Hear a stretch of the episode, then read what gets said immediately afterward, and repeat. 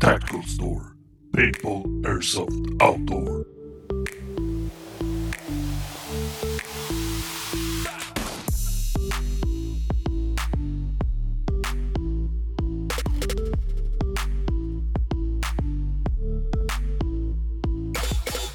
Hello!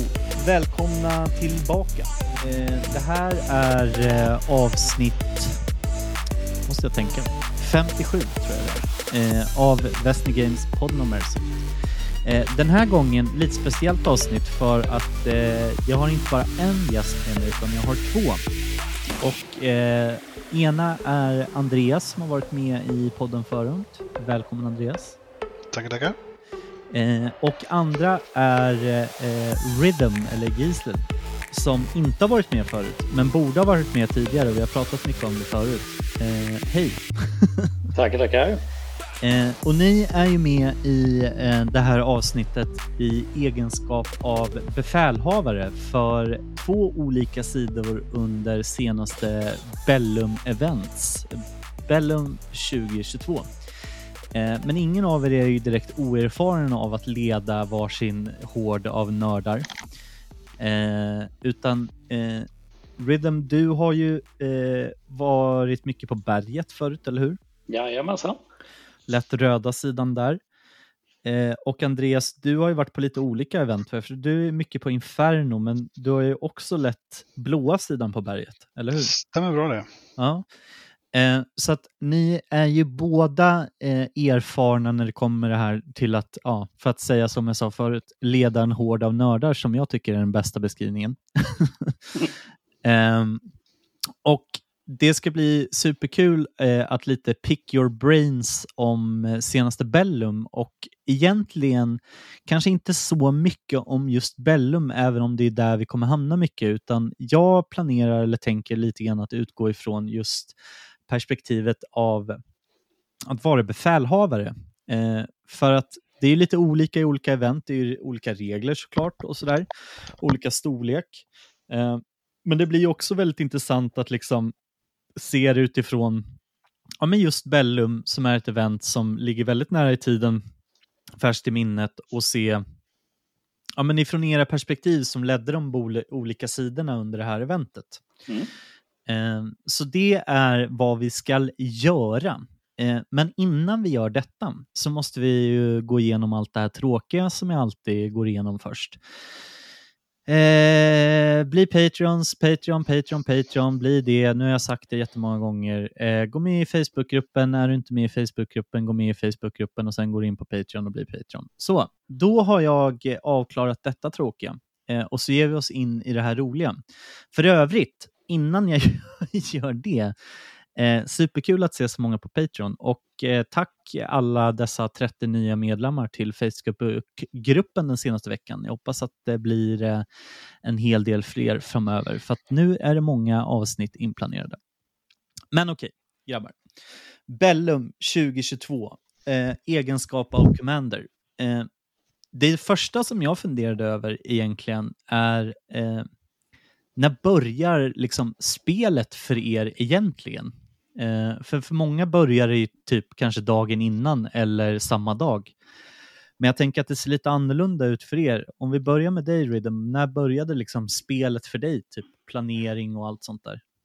Alltså det krockar ju tyvärr med berget, så jag gjorde i princip ingen planering alls för Bellum eh, förrän berget var klart, plus någon vecka. Så eh, säg två veckor efter midsommar började vi planera det hela lite mer intensivt. Och eh, Bellum, för er som inte vet, det skedde ju nu i torsdags för förra veckan, så första september startade Men då är det ju ändå, måste jag tänka här, det är några månader i alla fall innan. Japp. Eh, typ, Precis, alltså juni, eh, säga, säga första juli då, bara för att säga ett datum. ja, Så, så eh, två kompletta månader minst för att organisera upp det hela, ja. oh jäklar, mycket tid alltså. Eh, om jag får hålla kvar dig där lite grann, vad är det som gör att det här tar sån jävla tid? Om man nu säger så. Ja, det är ju dels att organisera upp det hela. Alltså man, det går ju inte att bara gå dit med 220 man och säga nu kör vi, det blir pannkaka, utan det här måste ju till en viss organisation på det hela och eh, hur mycket jag än skulle vilja så kan jag inte hålla 220 man i handen och säga att du ska skjuta åt det hållet. Utan då får man ju lägga in ett mellanskikt och det blir ju då plutoner. Och där har, körde vi med fem plutoner tror jag det var, ja, eh, med plutonschefer och då måste vi sedan sortera upp de här 220 och där går vi också steget längre och frågar eh, vad är din fysiska kapacitet, vilken typ av spelstil har du, vill du spela på natten och så vidare. Eh, och så vill man gärna placera kompisgäng tillsammans. Då. Så kommer det fyra personer så hamnar de per automatik nästan i, tillsammans om de nu tål varandra. Eh, det går lika bra för oss att splitta dem. Eh, det är inga problem. Det är upp, upp till spelaren i princip. Så lappa och laga tills man har en form av konstellation som funkar helt enkelt. Hur svårt är det där skulle du säga att liksom få ihop det med alla de här olika viljorna, spelarna, fysiska förmågorna och så vidare? Inte för mig längre. nu har jag gjort det några gånger. Jag jobbar ju som ledare i civila också. Så det, det, är relativt enkelt. Jag har en klar och tydlig idé vad jag vill ha eh, och sen har jag ju ett gäng runt mig som har spelat med i många år som förstår hur jag tänker och uppskattar det, hoppas i alla fall. Eh, så jag har massa hjälp där och eh, framförallt plutonscheferna bedömer jag som de viktigaste individerna för det är de som faktiskt är i fält och leder människor. Eh, så där är jag väldigt kinkig med vilka jag väljer ut. Eh, kommer det någon tjomme och säger tja, jag har varit på två Airsoft-spel och kan det här, då lär den personen inte bli plutonschef hos mig. Jag fattar. Eh, om vi vänder på steken då, Andreas, liksom, hur såg det ut för din del? Om man börjar med planeringsmässigt, när, började, när, gick, när startade liksom spelet för dig där? Eh, för min del var det lite annorlunda eftersom det här var mitt första Bellum som, som jag körde. Så jag hade ju inte, jag hade ju inte så bra koll på egentligen hur, hur Bellum Crew funkade eller någonting. Så jag började ju ställa frågor och diskutera med folk ganska långt innan. Så egentligen nästan eh, så fort det blev aktuellt för oss att, att ta rollen som, som HQ. Men det är exakt som, som Gisse säger där, det faktiska arbetet eh, med att sätta ihop plutoner och allt det arbetet började för mig också efter berget. Så att, um, det, det stämde väldigt bra överens med den tidsramen där. Och organiserade ni upp det på typ samma sätt? Just det här med plutoner och... Ja, precis. Så vi körde ju... Vi hade fyra plutoner plus eh, en, ett element med typ Special Forces slash eh, Ranger snubbar. Då. Så eh, vi hade ganska lika upplägg eh, på det och säger nästan exakt samma som Gisse där, att det är viktigt att ha rätt ledare där ute. Ehm, man har ju stått på väldigt många som, som man också beskriver som, som har ambitioner. Det är inte fel att ha ambitioner, definitivt eh, inte. Och det, ibland så finns det utrymme att ge chansen till sådana som, som har det, eh, den ambitionen och den viljan. Men när man, när man vill liksom på ett sånt här tajt spel som Annabellum är, när det är bara ett och ett halvt dygn, nästan två dygn, eh, så vill man att det ska lira. Eh, och man vill få ut så mycket som möjligt av den speltiden man har. Då är det viktigt att ha rätt, ja, rätt ledare på rätt plats så att man kan lita på dem och man vet att de, eh, de tar hand om sina gubbar. Jag menar, tänk dig själv då, de flesta vill spela nästan hela tiden bara för att få ut max. Eh, och har du då en ny ledare som kanske inte har koll på dynamik, hur saker funkar, när man ska säga stopp till gruppen eller när man ska vila och så, då är det lätt att köra slut på dem och så har man inga dag två istället. Så det är superviktigt, en jätteviktig del av, eh, av spelet att hitta rätt ledare. Mm. mm. Men jag tror att vi som commanders har ett ansvar där också att testa nya plutonschefer löpande för att hobbyn som sådan ska ha tillgång till många bra plutonschefer. Ju fler bra plutonschefer vi har, ju roligare blir det för alla spelare. Så enkelt är det, tänker jag. Definitivt. Det är en filosofi vi försöker göra i, inom Ace Company också. Eh, många har väl kanske sett eh, att jag alltid är där uppe och liksom kör ledarskap, men vi försöker slussa in nya liksom, hela tiden, att ta över den rollen och testa plutonchefsroller för att Alltså ledarskap är så viktigt att ha många att välja på och kunna rulla runt och så inte det bara är en röst hela tiden. Och nu på Bellum så hade vi en kille som var det var, jag tror det var hans första tillfälle där han körde plutonchef för en större grupp. Och det gick jättebra, så det var absolut inga konstigheter. Mm. Uh, upplever ni det svårt, förlåt att jag avbryter, men låter det svårt att, är, är, är det svårt att hitta liksom de här personerna som har förmågan att leda en pluton storlek 40 man typ? Eller känns det som att det liksom är ett stadigt flöde av personer som ändå funkar? Liksom? Alltså det, det är ju, ledarskap är ju mycket en fråga om talang, men det utesluter ju inte att om du inte har talang så kan du fortfarande lära dig hantverket, även om resan kanske blir längre såklart. Då. Men man anpassar ju förväntningarna helt enkelt. Eh, på Bellum var det två killar som eh, under mig för första gången körde plutonschefsrollen. Eh, och då lägger jag såklart en lägre eh, förväntan på vad jag kan förvänta mig av den plutonen jämfört med de som är mer erfarna. Och kanske planera om uppdragen lite grann. Eh, och jag måste säga att det är sällan egentligen som jag går tillbaka och säger fan det där funkade inte. Utan jag tror kanske en gång bara faktiskt under alla åren. Hur ser ja, det, är mycket upp till oss. Ja, det är mycket upp till oss också och uh, känna av hur läget är där ute och gå in och, och stötta och hjälpa och coacha liksom. För det är ju mycket det det handlar om. Vi kan ju inte vara ute i fält hela tiden så då måste vi kunna lita på de som är där. Uh, och det finns ju tillfällen där det kanske inte går 100 procent. Om du tar berget som, som ett lysande exempel där du har en, en en mängd skara människor som du aldrig har sett förut. Jag tror att ni på, på röda sidan där har en fördel av att det, ni har ganska många som kommer tillbaka till samma roller medan blåa mm. sidan är ganska rullande. Så det har alltid varit svårt att hitta de här återkommande bra stabila eh, klossarna man kan ha. Då, då, får man ju testa mycket nytt. Men då måste man ju också vara lite aktivare som commander och vara där och lyssna. Hur har det gått? Eh, hur funkar det? Var det någonting som vi kan ändra på? Hur kan vi göra så att det blir lättare för dig? Eh, och stötta dem. För annars är det ju så himla lätt för dem också att gå in i väggen första kvällen och sen vill de aldrig mer göra det igen. Mm. Eh, så att vi måste ju vara där och hjälpa dem och, och liksom vara ge dem förutsättningarna. Liksom. Eh, sen är det ju väldigt mycket beroende på vilket spel du åker på. Jag menar, tar du ett sånt spel som Bellum, det, det är 200 per sida som det var i år.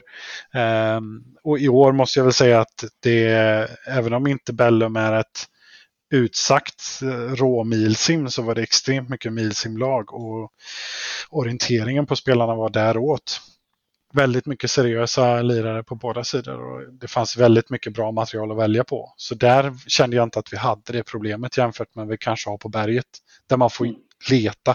Sen är ju en sak, det kan man ge cred för Bellum eh, Crew, att de är så himla lätta att ha med att göra så att eh, Ja, oh. En sån det, sak det är en enorm skillnad ja, det, det, vissa andra. Det är donat. Och, och behöver du ha tag i någon, jag menar, om du bara jämför, eh, liksom, utan att nämna namn, ett större milsim i Sverige där, där, du, har, där du i princip ja, du får en spelarlista, du har ingen aning vem det är. Eh, du kan inte få tag i dem och du får pussla och gissa vilka de ska spela med. Här så kan du få direktkontakt med spelarna, det är mindre community. Eh, crew är extremt måna om att allting ska funka och flyta så de är hjälpsamma hela tiden. Eh, så att det, är, det är faktiskt eh, det är, det är en lättnad och gör saker mycket lättare som, som HQ och ha, ha, ha med att göra med sådana. Ja, jag kan bara bekräfta den bilden. Eh, det här eh, crewet är eh, dels ett störtskönt gäng som människor, men de står verkligen på tårna och de levererar snabbt och alltid med ett leende. Det är härligt att jobba med dem. Men jag, jag, måste säga att liksom ur ett spelarperspektiv också så eh, håller jag med till 100% också. Jag tycker att det är liksom Bellums största styrka mm. i deras event. Eh, just allt det här runt omkring själva eventet. Och eh, eh, det vet jag att jag pratat om förut när vi har gjort lite så här, ja, men, tillbakablickar kring spelet eller eh, recap som jag kallar det typ. Eh, att just Bellum, deras arrangörer är extremt lyhörda, ly, lyhörda och service-minded och liksom vill hela tiden eh, spelarnas bästa inför eventen. Så, och det tycker jag verkligen är Bellums största styrka hela vägen. Mm. Eh, för många andra spel man har varit på, arrangörer och så vidare, är ju mycket så här, eh, ja men typ, kan vara lite grann den här känslan som man får som spelare, att det känns som att arrangören tycker att liksom, eh, vi är där för hans skull och inte tvärtom. Mm. Eh, och så är det verkligen inte på Bellum. Så att, ja, nej, men jag håller 100% med. Men nu när vi ändå är lite inne på det här med arrangörerna så tänker jag på det här med liksom, hur mycket ni pratar med dem innan själva spelet mm. och om de sätter upp lite så ramar som ni måste förhålla er till. Eh, och då tänker jag dels typ, ja men eh, lite tekniska grejer. Ja, men vi vill att det ska gå till så här eller de här. Men om, även om det finns just så här speltekniska saker som ni, eller spelmässiga ramar som ni behöver förhålla er till, typ ni får inte, ni får inte ta den här punkten först vid det här tillfället för att det ska bli jämnt i spelet. Eh, jag tror ni fattar vad jag menar. Jag förstår precis vad du menar och det är ju det som är så härligt ur ett command-perspektiv.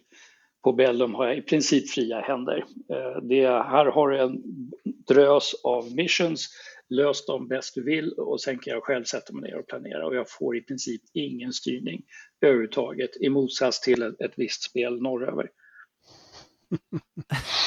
ja, vi har väldigt samma, samma syn där. Vi har varit på, på samma plats båda två så vi vet ju det. det är, alltså till att gå från ett i princip skriptat spel eh, till fria händer. Jag menar det är ju som du säger, du får en drös med missions. Du väljer om du vill göra dem. Du känner dina gubbar, du vet liksom hur mycket du har kört med dem, vilka uppdrag de är på nu. Är det här rätt uppdrag att spela nu eller ska jag vänta på det? Eh, eller vänta med det till ett bättre tillfälle? Du kan lägga upp det på ett helt annat sätt. Men på vissa andra spel det kommer de liksom och då måste du agera efter det för du vet att okej, okay, agerar inte jag efter det då har inte motståndarna någon fiende på andra sidan. Eh, och Det är en helt annan grej. Det, det är mycket mer dynamik här.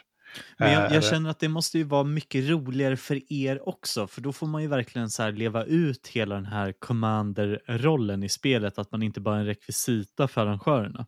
Jo men så är det ju, absolut. Alltså här har jag ju fria händer att göra vad jag själv vill och kan själv följa min egen stridsidé hur jag vill ha det.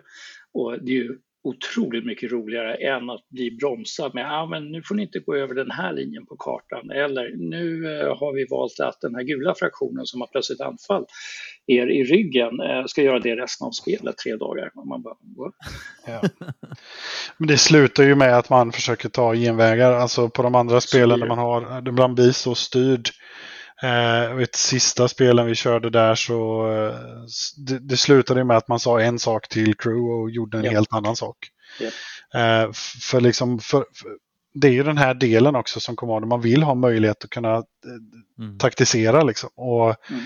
eh, spela smart, utnyttja sina styrkor och svagheter liksom, på bästa sätt. Och, eh, får man då en handbok exakt hur du ska göra det eller ungefär på timmen hur du ska göra det så är det svårt att utnyttja det. Det blir mm. väldigt eh, stelt och tråkigt. Dock måste man ju säga att det hänger mycket på vilken GM man råkar få. Ja, så är det ju. På, på det spelet som vi inte nämner med namn, men punkt, punkt, punkt. ja, och sen, sen måste jag väl också säga, alltså eh, det, det är fördelar och nackdelar med det här nu då, men Bellum har ju noll LARP live-element egentligen eh, i sig. De har ju inga LARP-lajvare med i spelet. Eh, nu är jag alltså frekvent besökare på, eh, på eh, Inferno där det har extremt mycket sånt och jag tycker det är askul. Men på berget tycker jag det inte är kul istället för där är det snarare ett problem i vissa lägen. Eh, jag vet att andra har andra åsikter så det, det är helt okej. Okay. Men jag gillar ändå att Bellum är strikt bara spela, spela airsoft och kasta plast.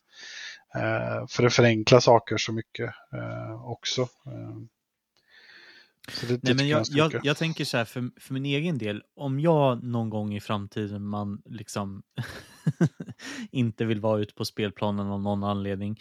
Eh, alltså om, om liksom en commander-roll skulle vara attraktiv för mig, då skulle jag ju ändå vilja känna att jag typ spelar risk eller schack med levande pjäser. Yep, helt rätt. Och det är ju Bellum. Ja, för att om jag inte får det, då, då känner jag lite så här, då, då arbetar jag bara gratis för det här eventet. Typ. Mm -hmm. Yep.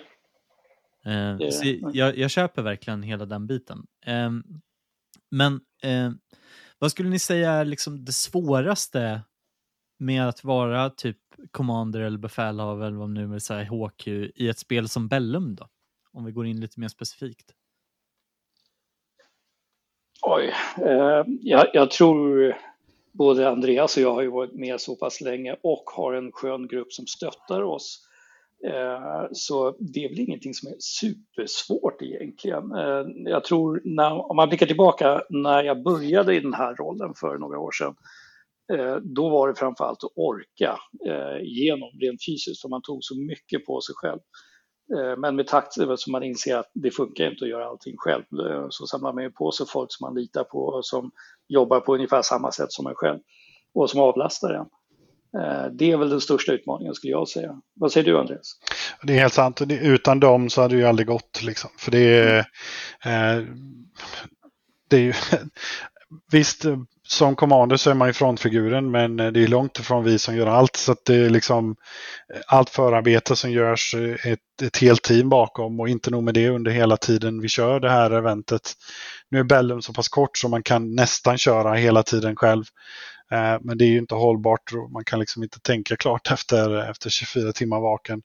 Mm. Eh, men det är helt som du säger. Men det enda som jag är en sån här extremt känslig person. Alltså jag, jag vill hemskt gärna att alla ska ha det bra. Det ska vara det bästa spelet de någonsin yes. har varje gång. Eh, och jag tar det nästan, nästan liksom för personligt om det är någon som inte tycker det är kul. Så jag, jag ger ju tusen procent av mig varje gång jag bara kan för att det ska bli bra. Så jag är alltid ute, alltså dag som natt. Jag går och pratar med alla som kommer in. Har det varit bra? Hur är det? Funkar det?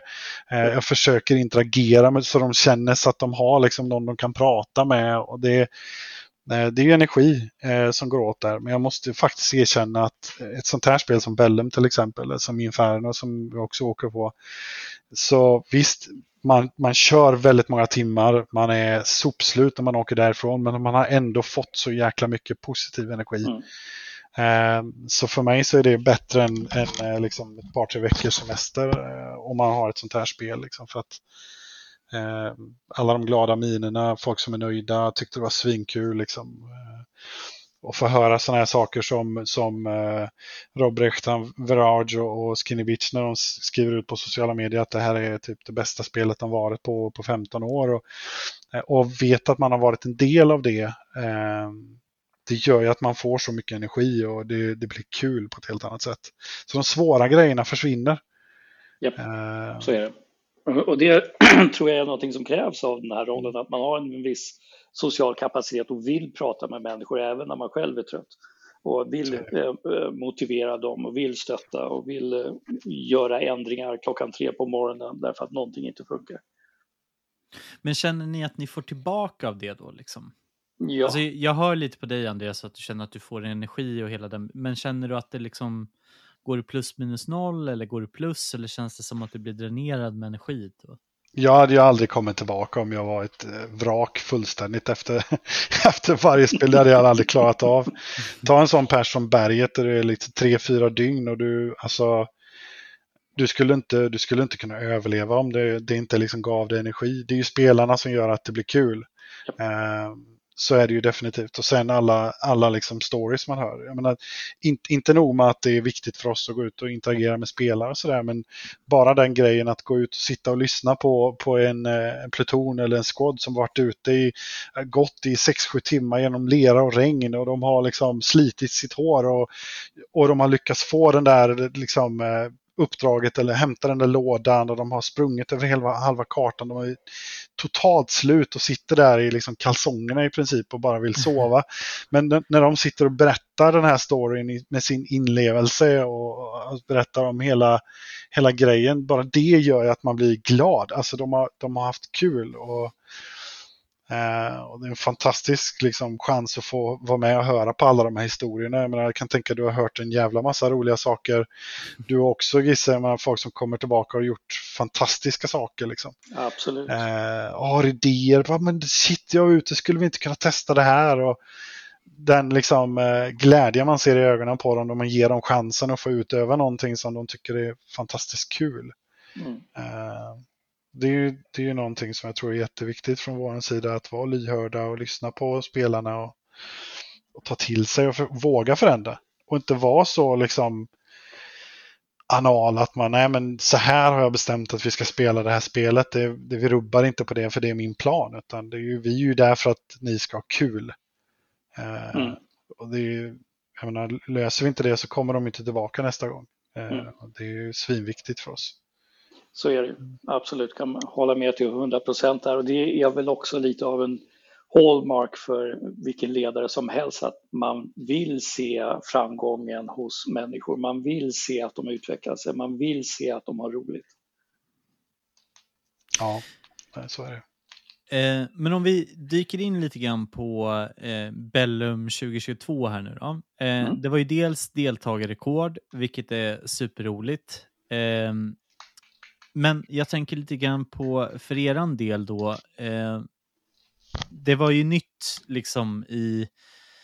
Ja, men du har ju varit med förut Gisel och mm. lett eh, Legion, yep. eh, röda eller gula sidorna om man nu vill säga. Och eh, är jag helt ute och cyklar och tänker att du, Ace, Andreas, var och ledde blåa sidan förra året också, eller? Nej, det gjorde jag inte. Jag var, ju, jag var där som spelare bara. Jag skulle egentligen inte komma alls, utan det, eh, jag hade ju den dumma uppfattningen att, att Bellum var, det var ett storspel, ett söndagsspel i princip. Eh, så, och det är ju en sån sak som i normala fall vi åker i smågrupper på på Ace. Så jag tänkte, ja men jag, jag fokuserar på det vanliga berget och Inferno och så kör jag på det. Men så kom det en biljett över och så, ja men häng på. Så jag hängde bara på som, som en basse. Även om jag inte kan hålla käft så gjorde jag ju faktiskt det. Ja. Um, nej, så det var första året för mig. Okej. Okay. Men hur, hur la ni upp strategin för det här spelet? Om vi börjar med dig Gisel. Hur, hur tänkte du i början på det här? Alltså den första prioriteringen är att skapa upp de här plutonerna så man vet vilka byggklossar man sen har att jobba med så att säga. Eh, och sen avvaktar man ju till eh, den final order i princip som kommer från eh, crew i form av ett första missionpaket. Vi får ju inte alla missions på en gång utan vi får ju då eh, en startuppsättning och sen efter spelstart plus 15 minuter någonting så kommer nästa hög och sen fylls det på allt eftersom spelet går. Så vi har en startförutsättning som vi planerar runt hur den ska stå och där oftast blir det en fråga om att jag vill sätta en målbild så som den ska vara spelstart plus en timme. Då vill jag ha en pluton där, jag vill ha en pluton där, jag vill ha det, jag vill ha det och så vidare. Och det är det som planeringen roterar runt. Eh, och därefter är det väldigt mycket sadelorder, alltså snabba order, snabba lägen eh, där man gör en ganska kort order men där förutsättningarna, ramen för hur vi ska jobba redan finns i form av oh, vad vet jag, skiljelinjer, tidspunkter och så vidare. Och hur såg det ut för dig Andreas? Var det liknande eller hade ni någon annan tanke? Ja, det var ganska likt. Ehm, vi satsade på um, upplägg och så som innan är ju precis likadant men, men våran initiella var taktik och var ju att försöka optimera utefter de truppfördelningarna vi har, de, de plutonerna, så fördelade vi ut dem på kartan så att det skulle bli så effektivt som möjligt. Att de har rätt bemanning för rätt liksom, uppgift och, och eh, har du fordon till exempel då ska du kunna verka med dina fordon på den uppgiften du får. Så inte det, det blir att nej men du ska åka dit och plocka den här capture pointen men jag kan inte komma dit med ett fordon. Eh, optimera på det viset och se till så att det blir så bra som möjligt. Sen körde vi eh, att de hade ett primärt uppdrag eh, som, ehm, som de hade eh, beräknat upp, upp till tre timmar eh, på sig att utföra. Eh, och under den tiden kunde det komma förändringar självklart. Då. Men att de, så de skulle inte förvänta sig att det, det, skulle komma någonting inom, inom tre timmar. Så de visste att de hade den tiden på sig att utföra, utföra uppgiften. Eh, men också att de hade ett sekundärt uppdrag. Om det är som så att de de hamnar i en situation att nej men vad fasen, nu har vi stångat oss mot den här uppgiften i en timme, vi börjar tappa moral, ja men då tar vi uppgift två istället eh, och kör den. Eh, så de hade alltid ett alternativ och sen så fyller vi på med de, de nya uppdragen som vi kommer. Vi hade ju vi hade ju plutoner ute på specifika uppdrag och sen hade vi rörliga eh, enheter ute i fält och även började flytta runt enheter efter några timmar. Så det gäller att vara dynamisk och anpassa sig efter vad fienden gör. Eh, men det, det utstakade sig ganska snabbt vad, vad vi bör fokusera på. Eh, sen fokuserade vi väldigt mycket på missions. Mer än capture points. Eh, skulle man kunna säga första dagen i alla fall, även om vi gjorde det mycket på andra dagen med. Men fokus var, var initiellt att ta capture points. Men sen så styrde vi över det mer och mer till till de uppdragen som kom. Ehm, Vad berodde För det på liksom- då? Dels för att, för att få lite rotation, få folk att testa på lite annat så inte de bara springer på en capture point hela tiden. Det var någonting vi upplevde förra året som, som en, en skyttepluton, att vi, vi var ju på en capture point, kanske en och en halv, nästan två capture points hela spelet. Eh, och det gör att det finns en jättestor del av kartan som man absolut inte ser. Eh, och man blir ganska trött på samma träd.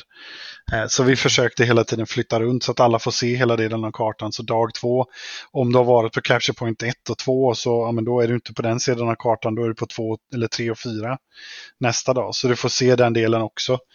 Men också möjligheten att, att när plutoner får samverka och hjälpa varandra och eh, spela ihop och eh, på det sättet utföra uppgifter. Eh, så vi började ju efter kanske ett par, tre, fyra timmar och flytta eh, plutoner så vi fick eh, två, tre plutoner på en, en och samma uppgift för att kunna komma igenom. Då. Eh, men det, det funkar bra. Vad heter det? En, en grej jag tänker på där lite grann då, det är att båda sidorna hade ju fordon till exempel. Eh, och det är ju alltid lite spännande i spel. Alltså som spelare är det ju alltid lite häftigt när det rullar in en bil med en eh, 50 kalibrig kulspruta och allt möjligt sådär. Eh, men det medför ju också en viss typ av dynamik och jag kan ju tänka mig också att det medför en viss typ av eh, strategi eh, utifrån ett liksom lednings, en ledningssynvinkel helt enkelt. Eh, hur, hur valde ni att liksom gruppera och använda er av Mm. de fordonen ni hade tillgängligt? Eh, nu fick jag faktiskt fordonen serverad på ett silverfat i det att eh, Milsim Airsoft Alliance från Skåne kom med en färdig pluton om 44 pers och tre fordon om jag inte minns helt fel. Eh, så i det läget så tänker inte jag säga nej, det får ni inte göra, utan jag, jag tog den eh, plutonen och stoppade in den helt enkelt i organisationen. Det enda nya vi egentligen gjorde var att ha en eh, IHQ dedikerad till den motoriserade enheten. Just för att få igång ett bättre samarbete mellan infanteri och fordon. Eh, jag skulle säga att jag kommer nog inte göra det på samma sätt nästa år. Jag har några idéer där, men Andreas kommer nu förklara konceptet som förmodligen Andreas körde, eh, som härstammar från en diskussionsgrupp som jag hade efter berget just angående det här. Och nu vet jag inte riktigt om jag ska göra det ledsen eller glad. Nej, alltså vi hade ju lite samma upplägg. Vi hade ju, Virage kom ju med, med sina fordon, eller sina kompisar, sina fordon. Så de hade ju ett liknande upplägg. Så de körde en, en skyttepluton som hade fordon som transport, men även använde dem som kloss. De hade ju två fordon med, med liksom torn på som de kunde använda för att ta sig igenom.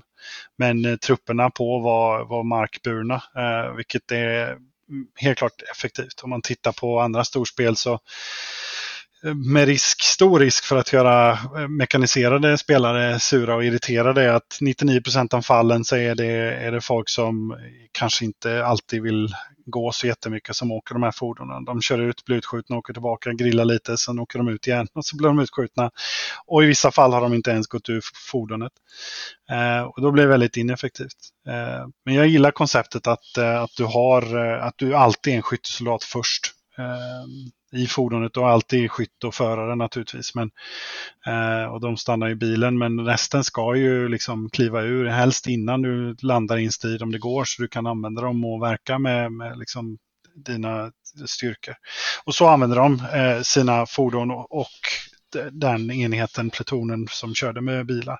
Vi hade några små enheter som körde bilar också, men det var mer, mer som transport också. Ehm, och Det var faktiskt effektivt. Det gör att de kan flytta sig väldigt snabbt eh, på kartan, eh, mobilisera en 40 man eh, ganska så snabbt till olika platser. Och det var ju de som vi använde till att rotera runt och, eh, och liksom få, få runt stora chunks av, av folk och kunna liksom styra vår strid där vi behövde det.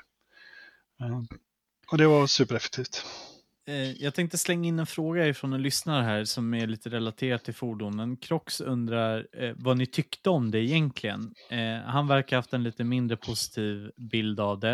Eh, men det kan ju skett olika saker på olika ställen. Men liksom, hur tyckte ni att eh, jag vet inte om det här är kopplat till regler eller om det är just hur fordon används, men tyckte ni att ni fick ut den effekten ni hade tänkt er av de mekaniserade enheterna? Om vi börjar med dig Gisel. Mm. Eh, baserat på den organisation som vi hade för fordonen så skulle jag nog säga att effekten fanns där. Eh, men jag har ju som sagt en, en idé som mer följer den som Virage kom med. Vi satt efter berget och diskuterade mycket om det här och vi har en, en diskussionsgrupp med tio personer någonting som diskuterar optimalt användande av fordon. Vi har ett koncept där men jag valde att inte köra på det konceptet därför att jag fick det som sagt serverat på ett silverfat. Och jag tänker inte säga nej till en plutonschef som kommer med 44 pers och en, ett färdigt koncept utan då kör vi på det såklart. Vad tyckte du Andreas? Ja, nej, men det, jag fick ju också allting serverat, men det är precis så jag vill använda eh, fordon. Inte, inte för att det ska vara liksom taxiverksamhet, men snarare så att de är skyttesoldater. Och vi utnyttjade det till fullo och de var ju överallt och körde hela tiden runt och, och köttade på. Och i den mån de kunde så hjälpte de andra spelare att ta sig fram och tillbaka också. Ehm, så jag är helt med på det och det, det är någonting jag har stångats med varje år. Vi har haft eh, liksom command-roll på berget och få, få effektivitet i mekaniserade enheterna där. Eh, det har ju varit Röda Sidans jättestyrka att de alltid har kunnat transportera folk till, till platser och det gör att ni kan ha liksom Eh, Eh, fräscha spelare på plats snabbt. Eh, ni kan röra runt och flytta er väldigt, väldigt fort medan blåsidan alltid fått flytta sig till fots för bilarna är inte taxi. Liksom. Ehm, och det, det är någonting som man måste jobba med. Inte för att jag ber att alla meck-enheter ska bli taxibilar utan man får kanske titta lite grann på hur man kan ordna det på ett bra sätt eh, för att bli effektiva på spelet. Så, men jag tyckte Verage gjorde det fantastiskt bra och han, han eh, visade verkligen att det går att köra på det viset. De gick ju ihop och alla som skulle vara med i den plutonen eh, betalade, var med och betalade soppa och så. Så det var en helt, helt liksom uppsatt efter det. Och det tyckte jag var klockrent. Det är fantastiskt när man har så engagerade spelare som honom som går in och styr upp en sån sak och får det att funka så jäkla bra. Ehm, sen kan man ju alltid debattera om hur fordon i sig fungerar i strid och hur, eh, hur lätt det är att skjuta ut fordon och det här med hastighetsregler och sånt. Tar du de här som, som Bellum kör, den här CD-skivan i fram och bak och du ska skjuta ut dem um, för att eliminera fordonet och rulla fordonet som, som hände i vissa fall lite för fort. Då är det svårt att skjuta ut och träffa den disken. Det är ju inte 556 du skjuter med utan det är ju en plastkula som färdas i 100 meter per sekund ish. Eh, och har du då tur att det inte blåser då kanske du kan träffa den här CD-skivan och då måste du träffa den i rätt vinkel och mm. med rätt hastighet för att den ska gå sönder. Eh, så att det, det blir svårt att skjuta ut dem på det viset. Det, det köper jag och det, det fick vi en hel del som kom in och var lite ledsna över. Eh, jag vet att vi har pratat med, med Bellum om det och Eh, de tittar lite grann på hur de ska kunna optimera det på något sätt. Det finns ju andra liksom, sätt att, att spela också. Man kan ju lyssna på hur andra arrangörer gör det eh, och lära sig av deras. Liksom. Nu, nu kör de den här, eh, den här liksom, uppsättningen de har och försöka optimera den så mycket som möjligt. Jag kan ju bara jämföra med, med berget till exempel. De som har varit där är, i år så hade vi en, ett AT-vapen sköt ut tre bilar med ett skott. Eh, det blir en kon av eh, liksom, laserstråle när man skjuter den där och det är inte optimalt heller. Liksom. Det är ju inte, det är inte, så ska det inte vara. Eh, Medan man har kanske på, på Inferno där du har ett AT-vapen där du, där du också kan skjuta ut men du, du kan inte skjuta ut flera samtidigt utan det är en liten saftblandare du ska sikta på och, och skjuta. Eh, det, Nej, men alltså, liksom jag, jag, jag, jag, känner någonstans att så här, Alltså det går åt båda hållen lite grann tycker jag. Eh, dels så när man möter ett fordon så tycker man att det är helt jävla omöjligt att slå ut det. Eh, men sen liksom nu under, under Bellum här nu så vad heter det, ledde, vi natt, eh, ledde jag nattplutonen och under de sena timmarna där så var det ju rätt mycket manfall eh, i nattplutonen så vi var väl typ sju pers kvar som skulle slåss mot eh, Ace Company 61 VGS och allt möjligt. Eh, Sorry. så att, eh, ja, nej, men det, det, alltså jag, det är ju liksom, det är ju inte ert fel. Eh, man får ju bara adapt and overcome, embrace the shit. som man håller på, eller embrace the suck som man säger. Ja. Eh, men det vi gjorde då var ju liksom, vi tar en bil, vi åker ut, vi trycker på lite punkter, åker vidare, trycker på nästa, så hoppas vi att de här jävla idioterna går hela natten fram och tillbaka och försöker trycka tillbaka på de här punkterna. Eh, och då eh, kände ju jag mig ascool. Liksom. Hoppar upp på den här bilen, en eh, HPA-konverterad eh, 50 cal på den här bilen och jag känner mig ashäftig. Står där uppe med min eh, nya PVS 14 som är helt gudomlig night vision och så vidare. Eh, och sen så åker vi över eh, tågvägsrälsen och sen så är det ett eldöverfall där av några gubbar och man bara känner hur man får liksom 50 kulor på hjälmen. Liksom. Eh, och då inser man ju liksom så här att ja, jag är ju verkligen inte odödlig här där jag står. Eh, utan som skytt är man ju extremt exponerad eh, på ett fordon. Liksom. Eh, och utan skytten på fordonet så spelar det inte så där jättestor roll vad det där fordonet gör egentligen. Eh, för att man kan ju liksom inte verka åt något håll. Men det är ju ett skydd. Alltså, du, du kan använda det som Ja, en ja, kloss men eller sånt. Det är det Eh, enda liksom. Men, ja. Nej, men så att, jag tycker att det där är en ganska svår och komplex fråga, men likväl lika intressant. Just det här hur man bäst egentligen ska använda fordon. För att i, det jag tänker egentligen är att det är bästa sättet och det mest effektiva det är ju att köra den här taxiverksamheten fram och tillbaka mellan punkter och bara se till att transportera folk jävligt snabbt. Men hur kul är det för dem som liksom då har tagit med ett fordon och spenderat massa pengar för att vara i det spelet och soppa pengar och så vidare att köra Precis. taxi i två dagar liksom? Men det är ju komplikationen med det hela. Ja, nej men exakt. Mm. Eh, men man får oftast bilden av att liksom kommer du med en bil med en kulspruta på så kommer den bara mörda allt likt en stridsvagn. Men det är liksom, Funkar Eh, inte så. nej, nej men precis. Så det, det kommer bli väldigt intressant hur ni liksom lägger upp strategin framåt för hur man bäst använder fordonen. Dels ur liksom rent speltekniska skäl eh, men, och strategiska skäl, men också det här att göra det kul för de som faktiskt tar med en bil till ett spel som Bellum eller Berget eller vad det nu är. Liksom.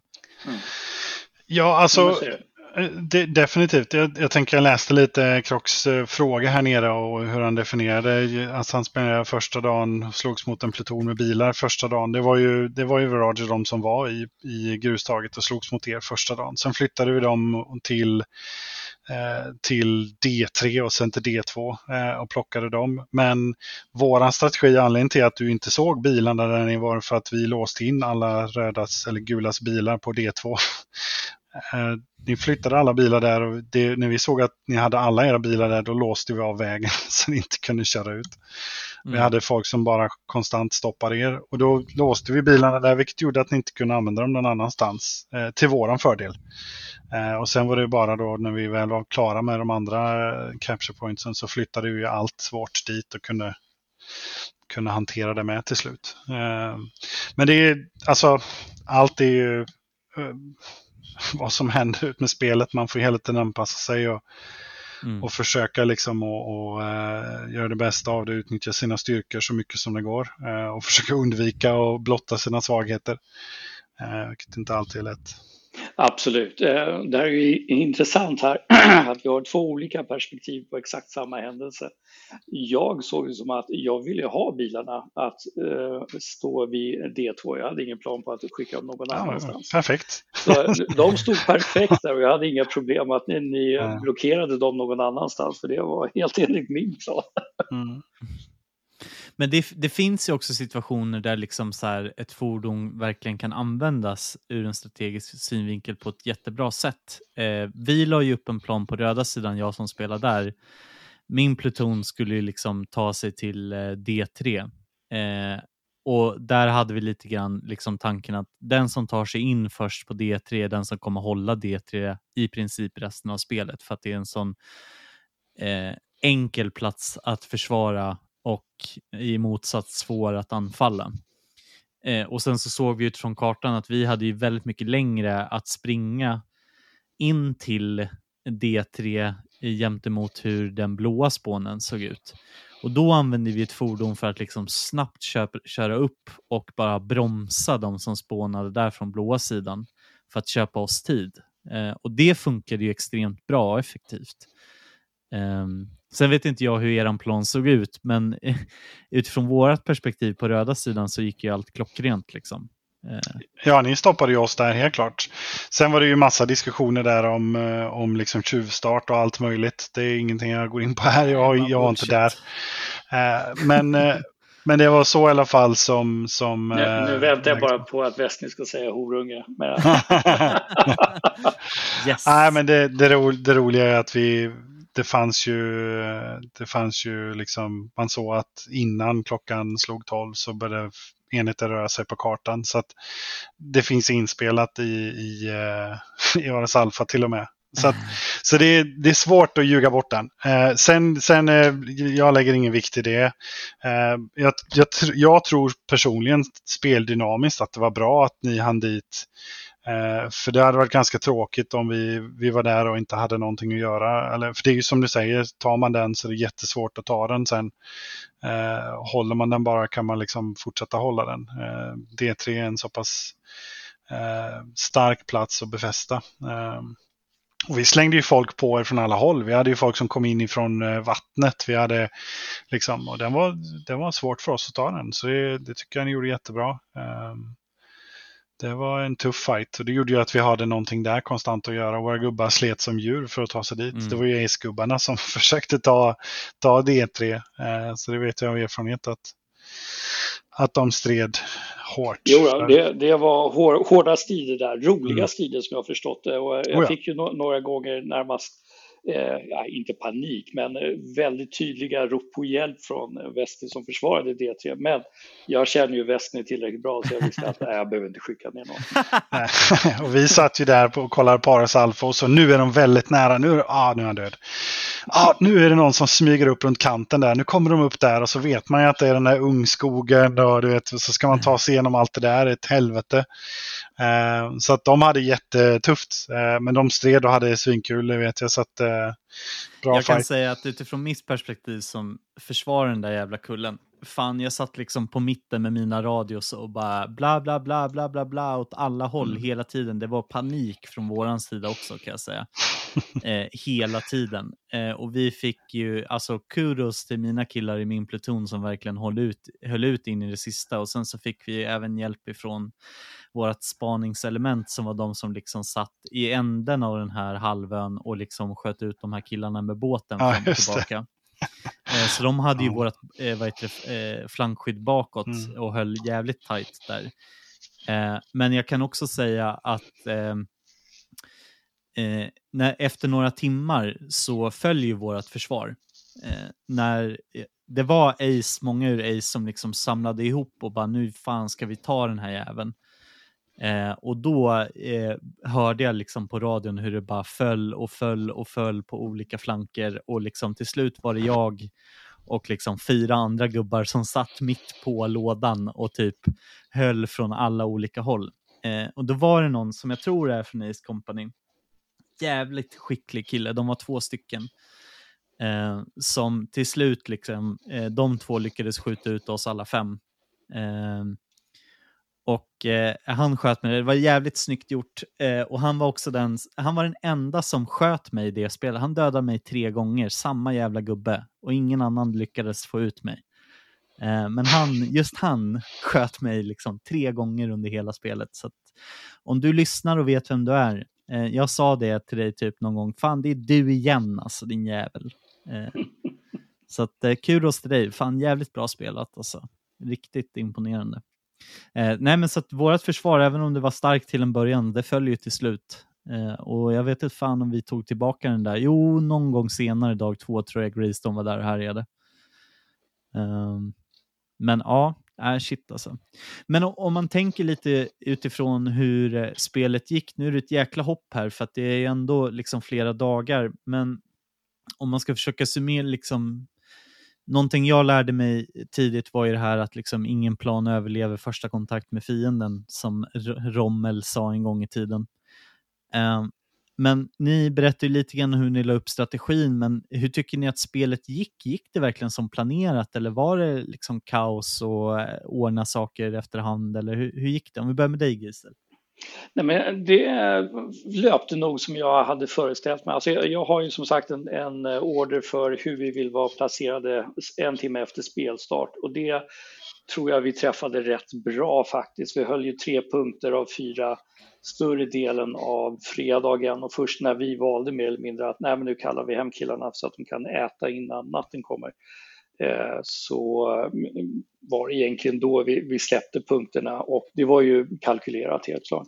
Sen också förväntat under natten så var det betydligt tuffare. Jag hörde ju rykten om hur många night vision devices det fanns på andra sidan och förväntade mig nog att vi skulle göra bättre ifrån oss än förra året, vilket jag tycker vi gjorde. Men att eh, Sparta skulle komma ut on top på lördagmorgonen. Och när jag gick in lördagmorgon till HQ i sexsnåret så om jag minns rätt nu så hade ni ungefär 6 000 poäng och vi hade 3 000. Det var mycket större skillnad än jag hade förväntat mig egentligen.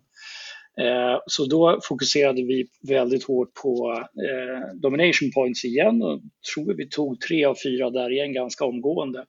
Men vi tog inte fyran, den där sista jäveln. Eh, vilket lag var det som var där nere på fyran? Sen, vad var det, fem? Det var, det var Ace-gubbarna, de som inte var med en NVS på natten, drog dit. Ja. De var, lämnade basen runt fem och så gick de ner dit och körde. Ja, Sen var de där hela spelet. Kudos till det vi hade ju en strategi där för slutspelet. Jag, jag förstod ju liksom att nej, men slutstriden kommer troligtvis vara där i de trakterna, sen om det var grustaget eller inte. Så jag ville ha, jag vill ha ett element och en, en plats att liksom spåna på redan där inne. Så därför så skickade vi eh, och började där nere. Eh, sen var ju, vi fick ju en order om att eh, de skulle flytta eh, och stänga ner Eh, tre stycken capture points. Ettan, tvåan och trean skulle ju flyttas eh, eller stängas. Eh, och så fick du ju 400 poäng per Eh, om du höll en capture point vid stängningsdags så fick du 400 poäng för det. Eh, 400 poäng för ettan, 400 poäng för tvåan och så fick du då eh, ackumulerat då, så många som du höll och det var olika tidpunkter de skulle stänga. vårt mål var bara att hålla en. Ehm, Orden var ju att nej, men försök att hålla alla tre, men vi sa att nej, vi leder med så mycket. Det här var innan helt plötsligt blev minus 2000 poäng på oss.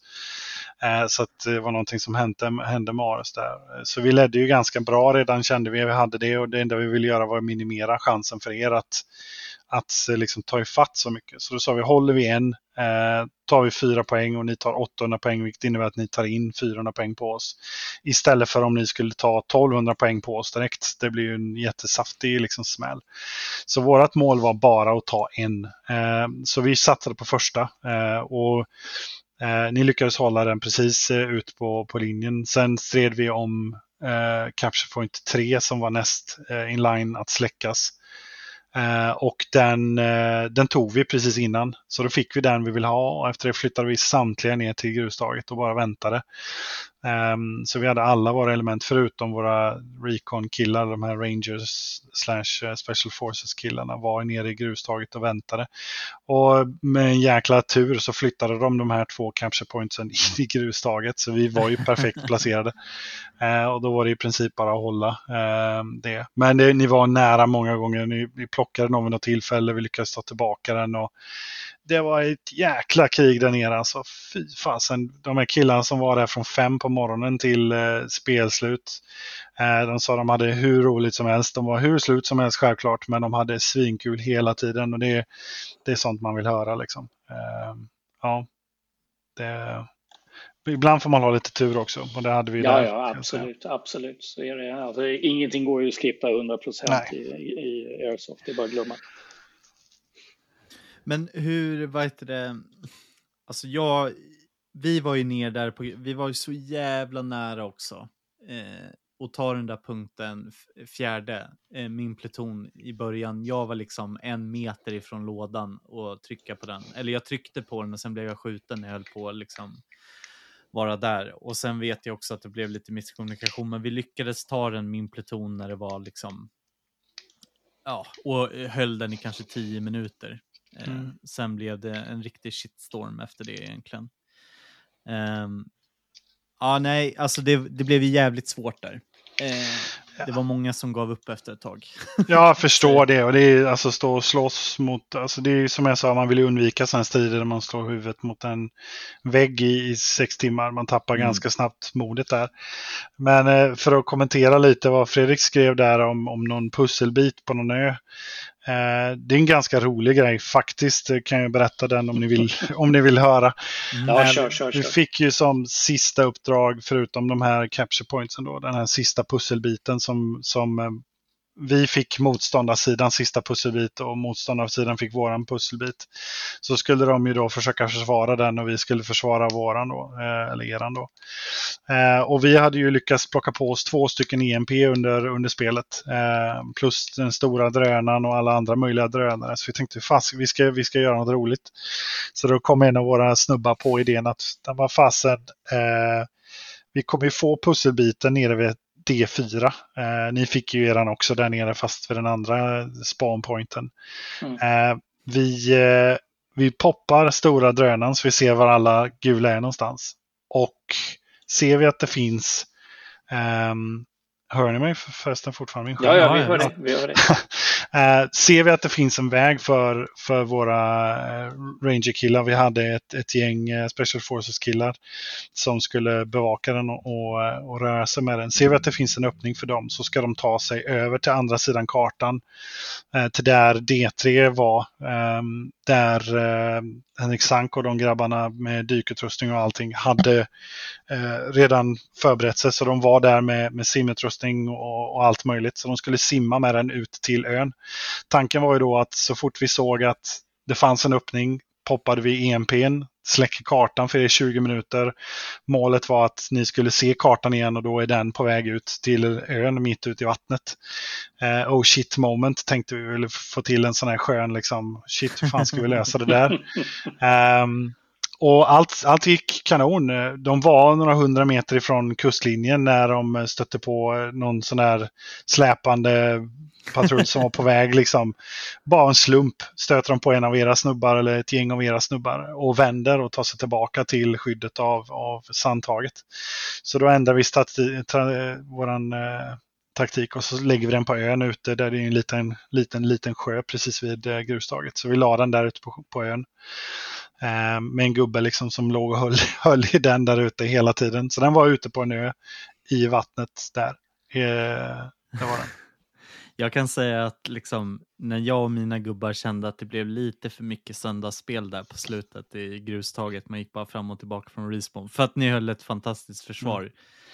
Då var det så här, då såg vi på kartan så såg vi att den där jävla pusselbiten var där ute på den där ön. Så tänkte vi, det sista vi gör, vi ska bara försöka få alla runt här nu och skjuta den där jäveln så att han kan sitta där på ön och vara död i alla fall. Mm. Och Eh, vi, Men sen vi, kom vi typ 20 meter som blev utskjutna. ja, vi hade ju ackumulerat alla drönare. Så, eller vi, en, alla utom en mediumdrönare hade jag tror jag. Så vi hade ju sparat en jäkla massa. Så vi, vi försökte hålla koll. Så vid ett tillfälle så, så poppade den där och såg vi faktiskt att eh, World Airsoft-snubben, eh, din gamla kollega, Mm. Han var ju inte långt ifrån alltså, öppningen till ön. Ehm, och eh, Sen så såg man på Instagram att han postade en bild om att han satt och käkade. Jag vet inte om det var där han satt och käkade. Men, men det var lite kaxigt i alla fall. Så jag tänkte att nu kommer de. Men de höll det tajt där. Så jag tror vi hade två stycken eh, skytteplutoner med, med Special Forces killar som var där. Så jag tror de kunde hålla det ganska så okej. Men eh, det var tajt och det var nervöst in på det sista. Man sitter Mm. där och biter alla nagelband man har. Det var ett bra Eh. spel, definitivt. Men eh, om man tänker nu lite grann, utfallet blev ju eh, blåa sidan vann. Eh, Mm. Sparta vann det här året. Eh, om man tänker lite grann utifrån liksom strategi och planering och sådär, varför tror ni att det blev det utfallet som det blev? Om man börjar med dig Gisel, vad, vad föll det på för den röda sidan? Eh, jag tror det är en kombination av resultatet på morgonkvisten på lördagen där vi ligger under så pass mycket med poängen som var felaktiga vid det tillfället. Men det formar ju ett beteende såklart i det att vi vill komma ikapp så fort som möjligt och då fokar på domination points, vilket i det läget fortfarande är alla fyra stycken eh, men där får ju då Sparta fördelen att de placerar sig ganska bekvämt nere på fyran inför slutstriden, vilket då blir nästintill eh, omöjligt som vi såg då att faktiskt ta för oss. Skulle jag säga, min eh, enkla analys här efteråt. Vad tyckte du Andreas? Vad var det som gjorde att ni liksom tog hem det här? Ja, alltså jag tror en stor del var eh, just att vi fokuserade på uppdrag. Vi gjorde i princip alla uppdrag. Det var några vi sket. Vi sket den där surströmming-gubben. Den fick, eh, den fick World snubbarna dra på hur mycket de ville. Det sket vi eh, Så den släppte vi. Men det var, det var merparten av alla uppdrag gjorde vi. I alla fall de som gjorde poäng. Vi hade till exempel det uppdraget när vi skulle ha en HQ-snubbe längst ner på kartan som skulle ta sig tillbaka. Eh, han sprang i princip eh, hela vägen från, vad blir det då, västsidan vid vattnet där till grustaget. Eh, och sen så tog han sig upp ut med vägen där sen tillbaka till basen. Så det är liksom det tror jag som var nyckeln till oss. Sen hade vi ju tur att, att uh, sista striden var nere vid grustaget och de poängen man fick från, uh, från capture pointsen uh, gjorde att jag tror att när de räknade ihop poängen sen det stämmer som ni skriver i chatten by the way att det var massa krascher i, i boxar och sådär så de fick manuellt mm. räkna. Men jag tror det skilde 3-4 tusen poäng någonstans i capture points eh, mellan oss eh, till vår fördel. Då. Eh, yep. Sen vet man ju inte vad som är rätt och fel med tanke på att det var, det var lite, lite korrupta minneskort och lite sånt. Men däremot mission-delen, där, där eh, plockade vi väldigt, väldigt mycket poäng. Ehm, mm. Och där tror jag största chunken av, av våran eh, total låg. Ehm, ja, det, det tror jag instämma i. Vi låg ju före på killcardsen vet jag och ja. Ja, domination pointsen låg ni före på. Men det, där var ju det avgörande slutstriden när ni rasslade in mm. ett antal poäng. Så är det ju. Eh, jag tror vi hade några fler eh, bilkillcards än er, men ni hade många fler eh, personkillcards än vad vi har. Jajamensan, det är lite roligt. Jag hade min son med, som 13 år, som mm. självklart inte får bära vapen då, men springa fram och hämta killcards går ju alldeles utmärkt. Så han plockade ett antal. Perfekt alltså. Klockers. När man själv inte vill göra den där skitgöret. Exakt. Ja. Barnarbete liksom. Det är klockers. Eh, men om man liksom, från er perspektiv, om man analyserar spelet lite, för Fredrik undrar så här, eh, tyckte ni att allting funkade bra eller var bra eller var det någonting som var mindre bra eller till och med dåligt utifrån spelet? Vad tycker du Andreas, om vi börjar med dig? Alltså jag tycker allting flöt på jäkligt bra. Eh, alltså det är alltid saker som händer konstant. Eh, och i efterhand så kanske man gör olika om man har vetat allt. Men du, du har ju inte facit i hand innan. Så du måste alltid ta snabba beslut och, och, eh, och där är ju styrkan att ha ett, ett bra HQ som, som vi var inne på tidigare. Att man, man har andra röster, man kan få input, man kan hela tiden bolla idéer. Eh, som hela den här grejen med, med liksom uppdraget som vi kom på själva med att simma ut till, till en ö. Det var väldigt mycket bollande fram och tillbaka för att få det på ett bra sätt. Um, men det gäller hela tiden att och, eh, och liksom släppa saker som har hänt och kunna fokusera på nästa grej eh, och försöka ta igen och, och fokusera på att grabbarna och tjejerna där ute har ett bra spel eh, och ha det så kul som möjligt. Liksom, för jag små saker det händer alltid och du kommer alltid missa någonting. Det gäller bara att ha styrkan att kunna gå vidare. Jag, jag vet i alla fall att jag har ett fantastiskt gäng bakom mig i HQ som, som gjorde ett eh, helt sjukt bra jobb och jag tror du hade samma förutsättningar Rhythm. Så eh, det är all ära till dem som gör att vi liksom kan, kan ha sådana här typer av spel och ha kul. Liksom. Så jag, jag, jag kan inte säga någonting som gick dåligt eller sådär. Det är alltid så. Jag menar, när du spelar ett milsim och du har folk som har, har, kört liksom i tio timmar och de har inte ätit, de har inte bajsat, de har inte du vet, sovit och de är trötta och då helt plötsligt magiskt av någon konstig anledning just då så börjar alla inte ta träff. Eh, och alla börjar liksom skjuta för hårt och du vet sådär. I verkliga fallet tror jag i många fall det handlar om att du, du kanske inte du, du kanske är lite för trött själv och du blir lätt irriterad och små saker blir stora. Och, eh, och det är ju sånt man ser på varje spel. det, mm. det, är svårt att höra när man är på plats och då, då vi som commanders får egentligen bara lyssna och ta till oss och försöka lugna och få ordning på torpet. men det, det händer i varje spel så att det är inget unikt här. Mm. Va, va, hur såg det ut för dig då Gisel? Vad tänker du nu? Ja, jag skulle säga att det är väl det som är det fina med Bellum. Det är ingenting som är riktigt dåligt. Eh, självklart finns det smärre detaljer eh, och vi kör en, en retrospekt någon vecka efter spelet alltid för att gå igenom vad har vi lärt oss, vad var bra, vad funkar, vad ska vi behålla, vad ska vi behålla men måste förbättra eller ändra eller vad det kan vara och vad ska vi kasta bort och aldrig göra om i princip. Eh, och i år, nu kikar jag här faktiskt på den, det är i princip ingenting vi ska slänga ut utan eh, den gemensamma uppfattningen från plutonscheferna och mig själv är att det här är ett bra spel och det är därför vi gärna kommer tillbaka faktiskt. Och det är därför också Bellum växer så mycket som det gör, skulle jag säga. Mm. Kul ändå. Mm. Eh, slänger in en fråga från Crocs här igen. Var det någon av er som faktiskt blev skjuten och blev eh, av med ett killcard? och i så fall, vad hände? Eh, ja, faktiskt. Eh, tre gånger.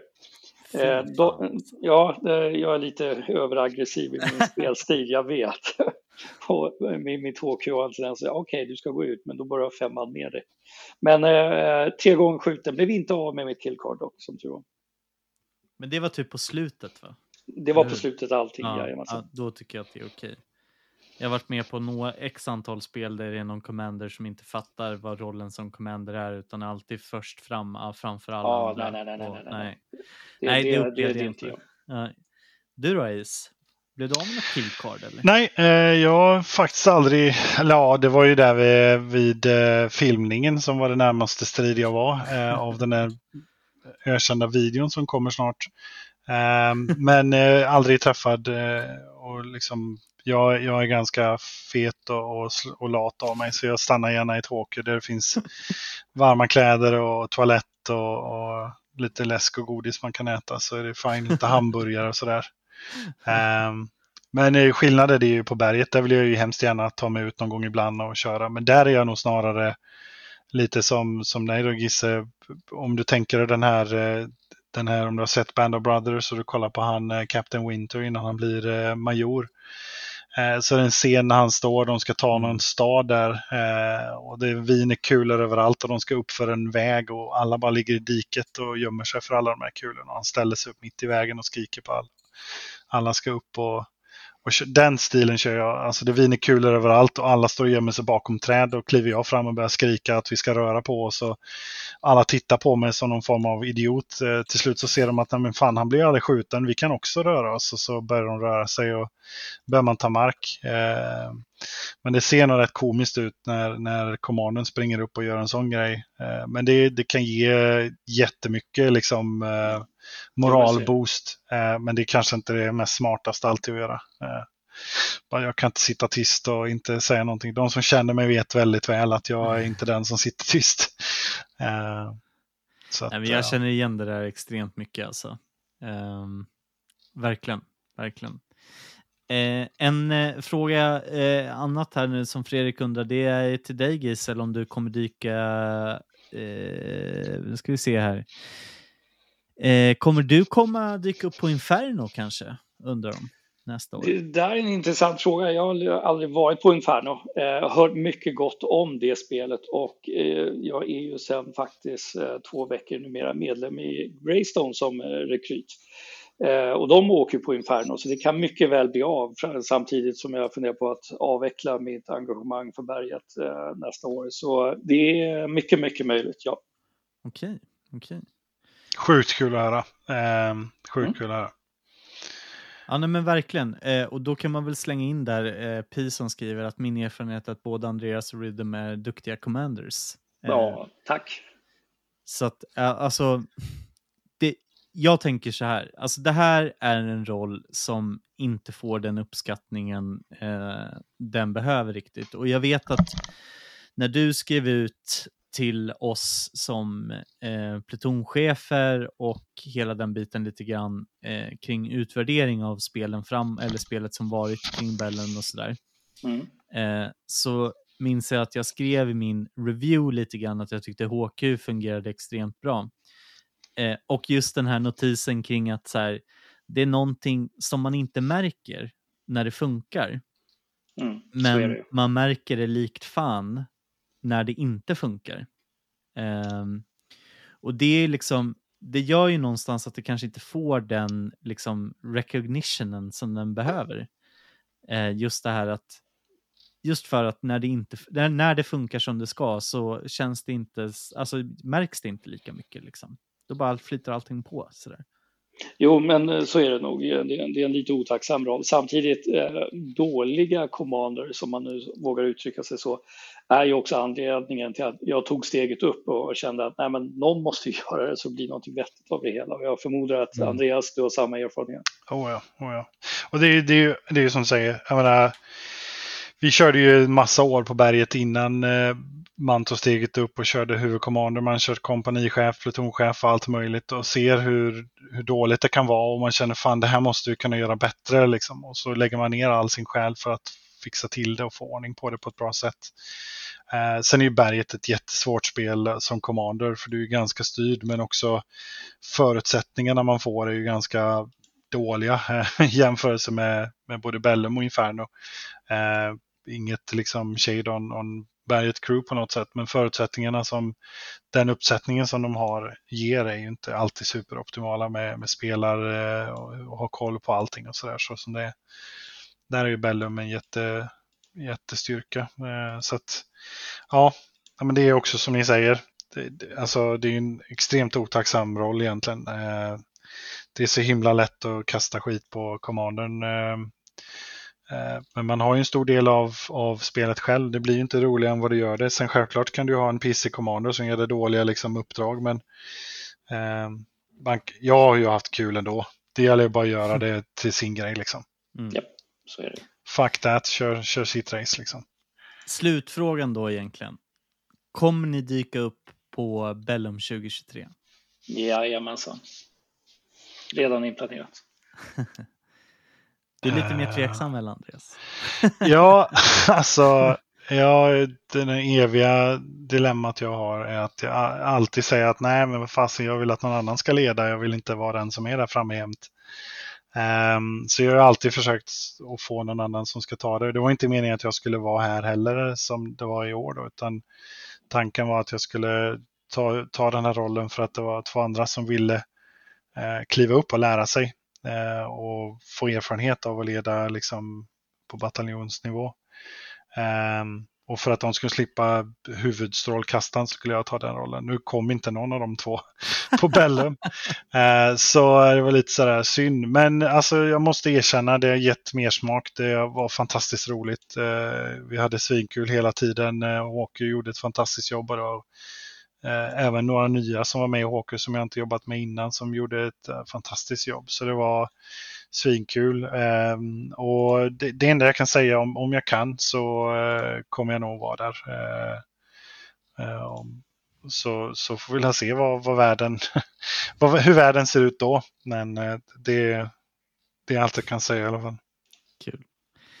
Eh, bra, tack så jättemycket. Eh, innan vi avslutar här nu så måste jag säga några saker. Det ena är ju såklart superroligt att få eh, höra era tankar och åsikter kring eh, Bellum och rollen som commander. Eh, jag vill rikta ett supertack till alla er eh, på senaste Bellum här nu 2022 som eh, kom fram, snackade lite. Det var mycket många fler än vad jag förväntade mig som liksom kom fram och sa typ jag känner igen din röst eller fan är det du som är Vesny och så vidare och uppskattade podden. Det gör eh, det gör det här livet lite roligare så att, eh, supertack till er.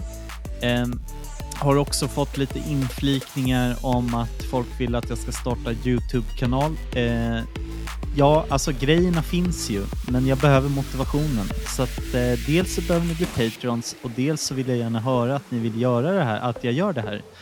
Eh, och det kan ni ju skriva då i Western Games eftersnack och community på Facebook. Eh, och ja, supertack till er som redan är Patreons. Ni bidrar extremt mycket till livet i den här podden. Eh, men slutligen, återigen, supertack Andreas och Gisel för att ni vill vara med och gästa och bidra med era tankar och åsikter. Tack Så själv. lite så. Kul att kunna delta. Härligt, härligt. Eh, nästa avsnitt planerat redan om två veckor. Eh, vill ni höra det tidigare, då är det Patreon som gäller. Vi ses, hej då!